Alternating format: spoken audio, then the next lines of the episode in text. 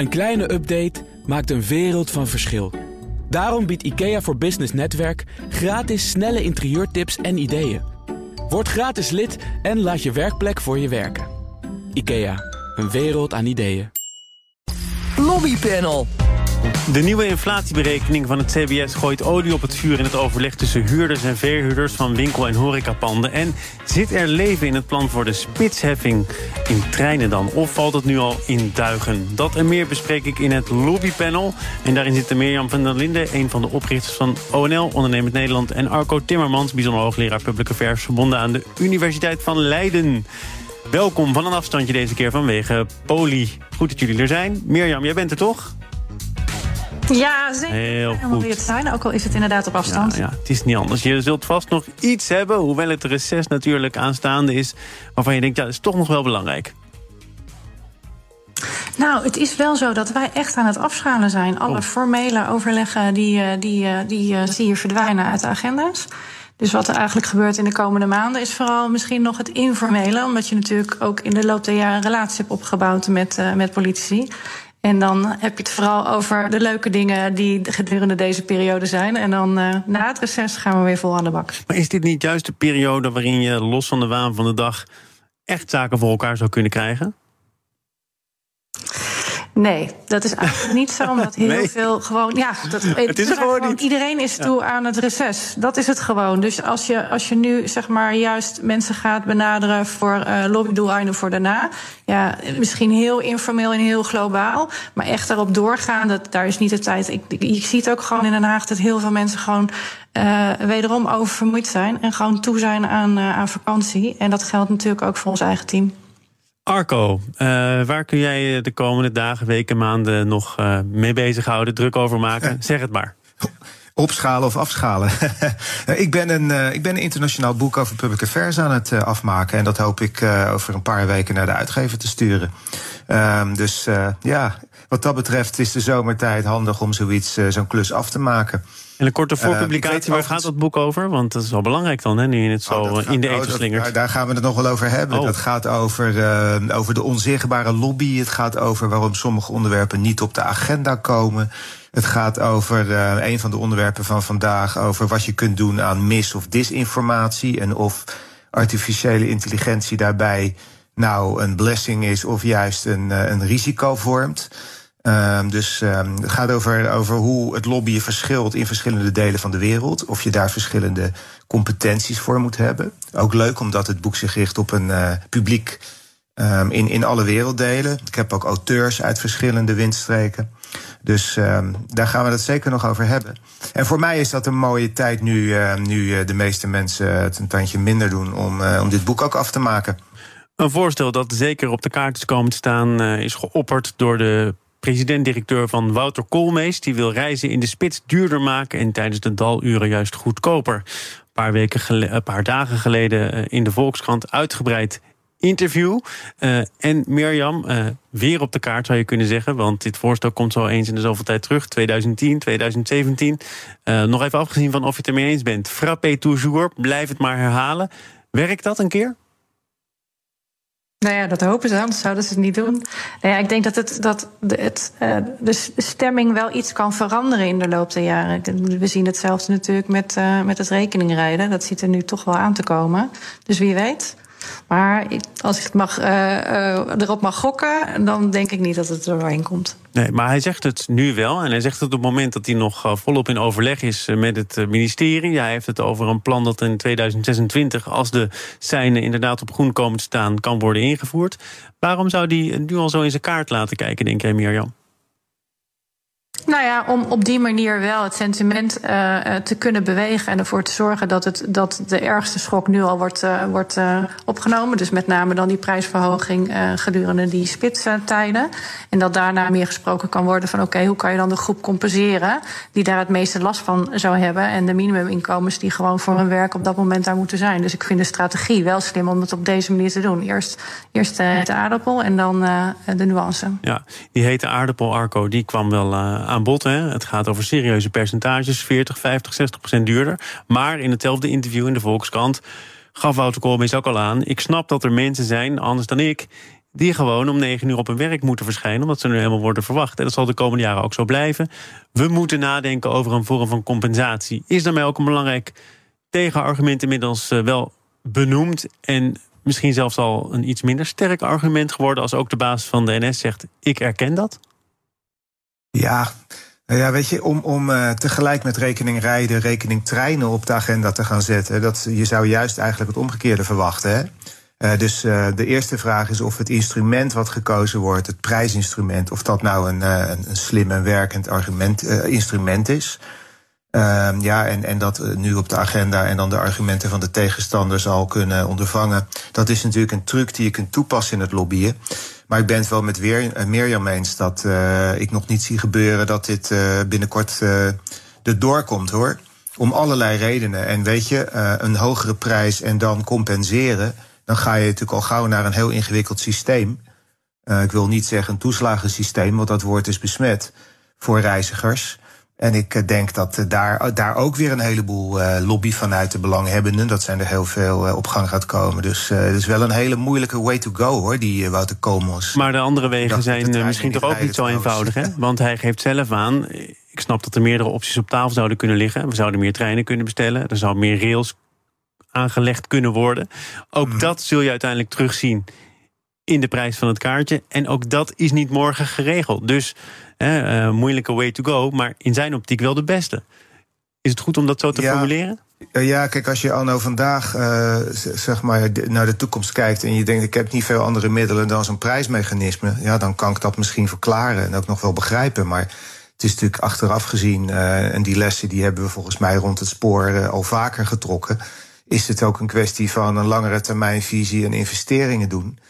Um, hoge snelheidslijnen zijn nog een ander verhaal. Dat gaat ook allemaal niet letterlijk en figuurlijk niet heel snel. Neem maar eens de trein naar Berlijn. Dat is iets verder weg. Um, dat is geen spitsverkeer waarschijnlijk. Maar ik zie op heel veel fronten zie ik eigenlijk te weinig systematische aandacht uh, in de concurrentie met andere onderwerpen om in het openbaar vervoer, treinverkeer in dit geval, om daar goed in te investeren. En wat je ziet is dat de concurrenten dat die, die het zien gebeuren op de agenda zien komen. En die wrijven eigenlijk al een beetje in hun handen. Hè? Dus dat is ook nog eens een keer risico voor, uh, voor de NS zelf.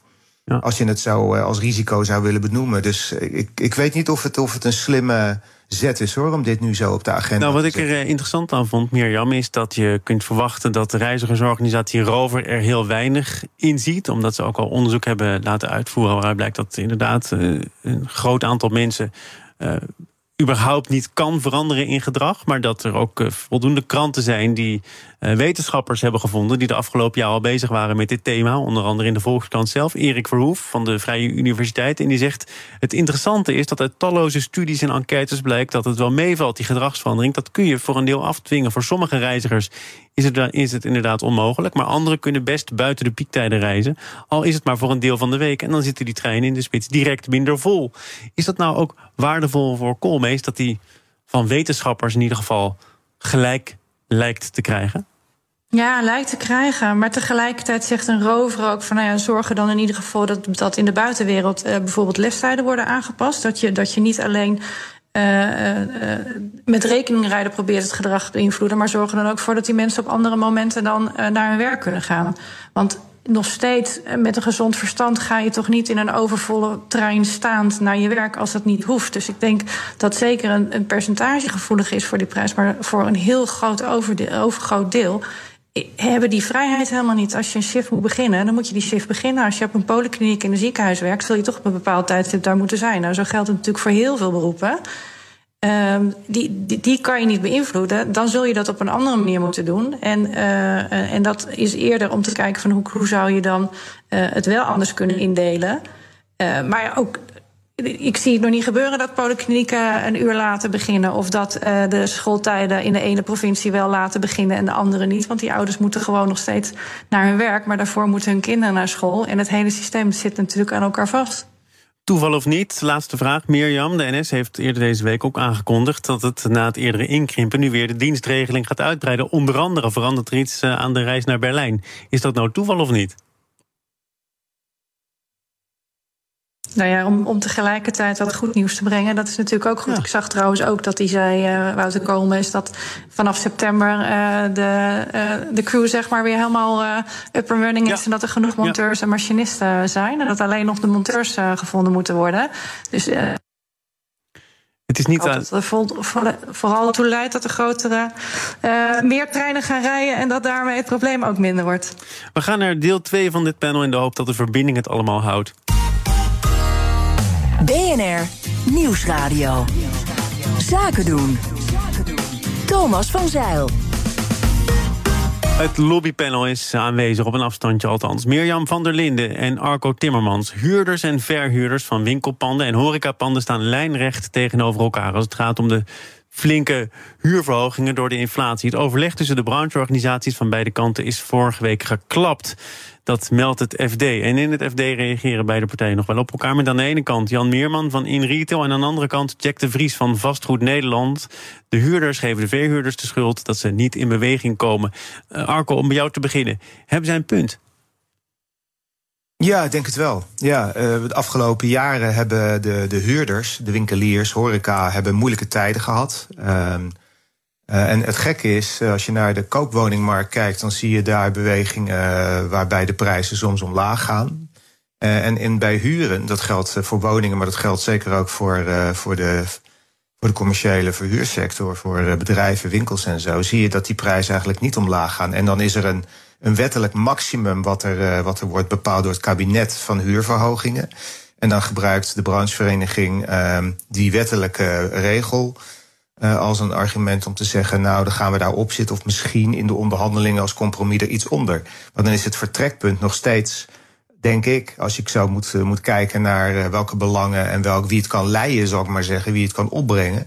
Dan vind ik het vertrekpunt van de verhuurders vind ik wel een klein beetje een, een te, te grove, grove ijs op tafel. Dus ik begrijp ook wel dat, um, dat die onderhandelingen om deze reden uit elkaar zijn geklapt. Mirjam, uh, jij bent uh, al langere tijd natuurlijk belangenbehartiger voor Ondernemend Nederland. Het MKB, winkeliers, horeca-ondernemers.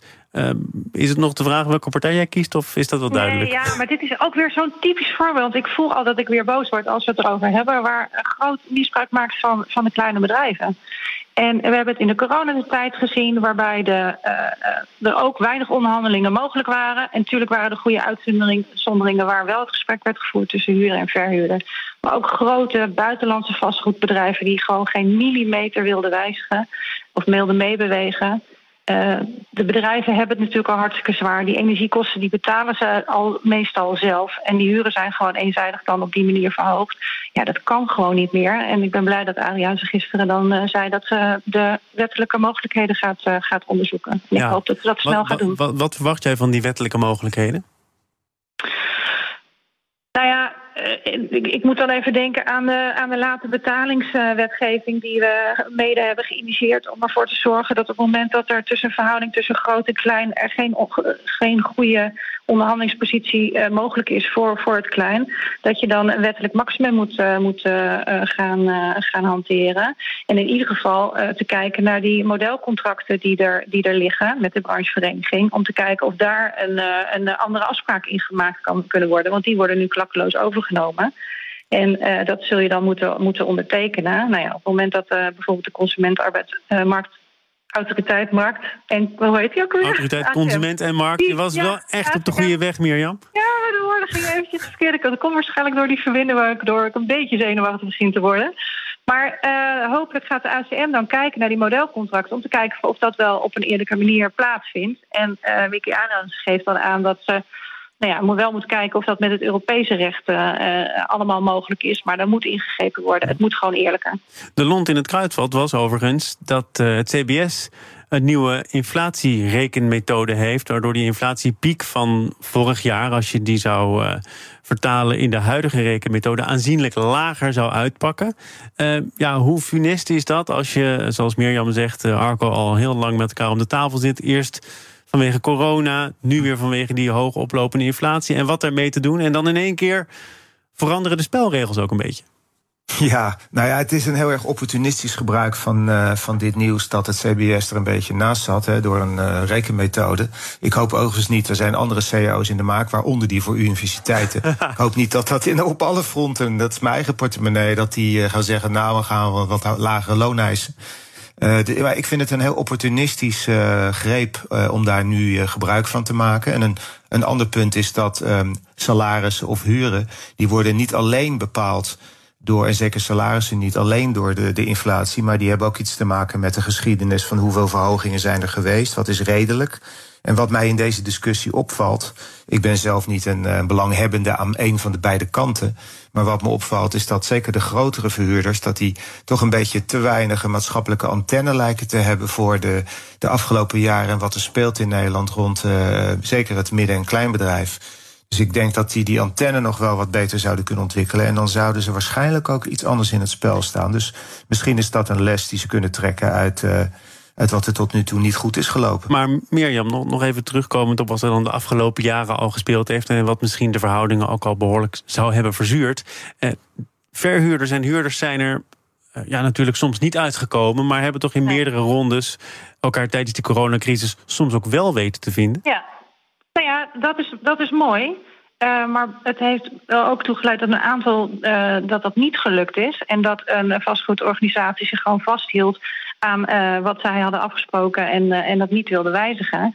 Ja, en als je daar wat mee wil doen, dan zul je daar wettelijke regelgeving voor moeten, moeten inzetten. Het kan, en helaas, hè, want ik ben het helemaal eens met Arco dat die maatschappelijke antenne er zou moeten zijn. Maar er zijn ook hele grote organisaties die daar geen enkele geen enkele antenne voor hebben, ja, dan zul je het op een andere manier met elkaar moeten organiseren. We gaan tot slot als toetje van dit panel nog even een blik werpen op de, de kunstmatige intelligentie. 163 topbestuurders van grote Europese bedrijven, waaronder Heineken en TomTom, hebben een open brief geschreven aan de Europese Commissie. En zij spreken hun zorgen uit over de maatregelen. Ze zijn bang dat ze worden weggereguleerd. Arco, is dit nu ook een klassiek verhaal van een sector die zegt: regels zitten ons in de weg. Wij komen op een achterstand te staan ten opzichte van Azië, ten opzichte van Amerika. Uh, Zie je dat patroon weer terug? Ja, dat zie ik zeker terug. Ja, het is een heel in zekere zin een voorspelbare reactie. Uh, vertragingstactiek of een afzwakkingstactiek. Um, ook overigens uh, met te weinig oog voor de nuance in het voorstel uh, wat vanuit Europese instellingen komt om in Europa dit goed te gaan aanpakken. We hebben de afgelopen jaren hebben we natuurlijk wel wat meer verschillen gezien in hoe wij denken en kijken met Noord-Amerika bijvoorbeeld ten aanzien van privacy en, en, dus ook allerlei artificial intelligence gerelateerde onderwerpen. Ja, het argument van het concurrentienadeel, dat, dat gaat volgens mij eigenlijk helemaal niet op. want we zien ook bij andere onderwerpen dat wanneer de Europese Unie regels stelt, dat er juist een effect heeft, een spillover heeft naar economieën elders in de wereld. Want Europa blijft een belangrijke markt. Dus het is, ik vind het ook nog eens een keer een drogredenering. Nou ja, een optelsom van, vind ik, niet erg overtuigende punten. Die ik in de brief ook zie. Uh, dus uh, ja, ik, ik hoop dat ehm, de, de, de, de, de, de wetmakers in Brussel zich niet hier door in de lehuur laten leggen. Die zijn nog met elkaar in gesprek. Hè? Ik geloof dat er nu nog een dialoog plaatsvindt op Europees niveau over de uiteindelijke tekst van die wet. Maar uh, Mirjam, er wordt al langer over gesproken. En een, een GroenLinks-Europarlementariër die erbij betrokken was, is tegenover de NOS nogal verbolgen. En ze zegt: ja, bedrijven wilden een risicogestuurde aanpak. Dat is nou precies waar deze wet van uitgaat. Het, uh, hun boodschap in deze brief ligt niet in lijn met de werkelijkheid. De wet is lang niet zo heftig als zij zeggen. Um, ik weet nu niet inhoudelijk gezien wie er nou precies gelijk heeft. Ik was niet betrokken bij de onderhandelingen. Maar ja, kun je in de lobby dan ook over vragen? Als er uiteindelijk iets uitrolt wat blijkbaar al in lijn is met wat je eerder zou hebben gewild. Ja, dat zou kunnen. Maar waar, wat ik vooral intrigerend vind, is van waaruit is dit ontstaan? Ja, ja dat is de, de brief bedoel je. Daar is ook nog geen ja. initiatiefnemer opgestaan, hè? Nee, maar ja, ik ben dan misschien uh, wat achterdochtig. Maar ik denk, zou dat dan een Google of een Microsoft zijn... die dat dan op deze manier via die grote bedrijven... een beetje probeert, probeert te sturen... om die discussie aan de gang uh, te krijgen. Want het, het, het is A, een ontzettend lange inhoudelijke brief. en om die door zoveel verschillende bedrijven ondertekend te krijgen, ja, ik vind het knap. Maar want de, naam van een techbedrijf, als die, die, want die namen die je nu suggereert, Google, Microsoft, hoe goed je ook zoekt, hè, het gaat om 163 mensen die werken bij Heineken, TomTom, Renault, Airbus, Siemens, Capgemini. Er staat ja. geen techbedrijf bij. Nee, dat is toch vreemd? Arco, hoe vreemd is dat? Nou, ik denk dat dit laat zien dat uh, de fase waarin je op zo'n onderwerp als regulering van artificial intelligence uh, en vooral generatieve, de fase waarin je lobbyt, dat de techbedrijven daar ietsje eerder uh, aan de beurt zijn geweest of hun eigen beurt hebben gekozen. En dit, de bedrijven die je nu ziet, zijn vooral degenen die gebruik maken van die technologieën. Overigens, mijn eigen wereld, de universiteit, waar studenten met ChatGPT papers kunnen schrijven. Ik denk dat dat alleen maar goed is als ik het even op mijn eigen omgeving betrek. Uh, dat, dat het alleen maar goed is dat we aandacht hebben voor de risico's die er zijn van artificial intelligence. Zodat we straks niet, uh, die brief misschien ook wel zelfs, dat die in elkaar is gezet aan de hand van artificial intelligence. Um, dus ik ben niet tegen dit soort technologieën hoor, dat helemaal niet. Maar ik denk dat het alleen maar terecht is dat we daar in Europa eens goed kritisch naar kijken. En ik vind zo'n zo'n risicoprofielonderscheid vind ik een, een, een, hele proportionele, de term wordt in de brief ook genoemd, vind ik juist een hele proportionele benadering. Dus um, ja, volgens mij. Uh, uh, is het, de, de, bedrijven hier die, die, die, die, die zien daar beperkingen voor zichzelf aankomen. Maar het zijn zelf niet de bedrijven die de technologie ontwikkelen. En denk, nou ja, binnen de spelregels die er worden afgesproken, kunnen zijn er nog zat technologieën die voor al die bedrijven, Heineken en TomTom, Tom, heel veel nut kunnen hebben. Dus ik vind het ook wel een klein beetje veel kabaal maken. Uh, over, deze, over deze voorstellen uh, die nu bij de commissie in het Europees Parlement liggen. Punt is duidelijk. Punt gemaakt door Arco Timmermans, bijzonder hoogleraar Public Affairs, verbonden aan de Universiteit van Leiden. En hij was in gesprek met Mirjam van der Linden, een van de oprichters van ONL, Ondernemend Nederland. Dank voor jullie bijdrage aan dit lobbypanel, dat overigens ook te beluisteren is als podcast. Abonneer je vooral even via je favoriete kanaal of de BNR-app. Zometeen de rubriek Geniaal of Onzinnig met het nieuwe drankje van Geek Drinks.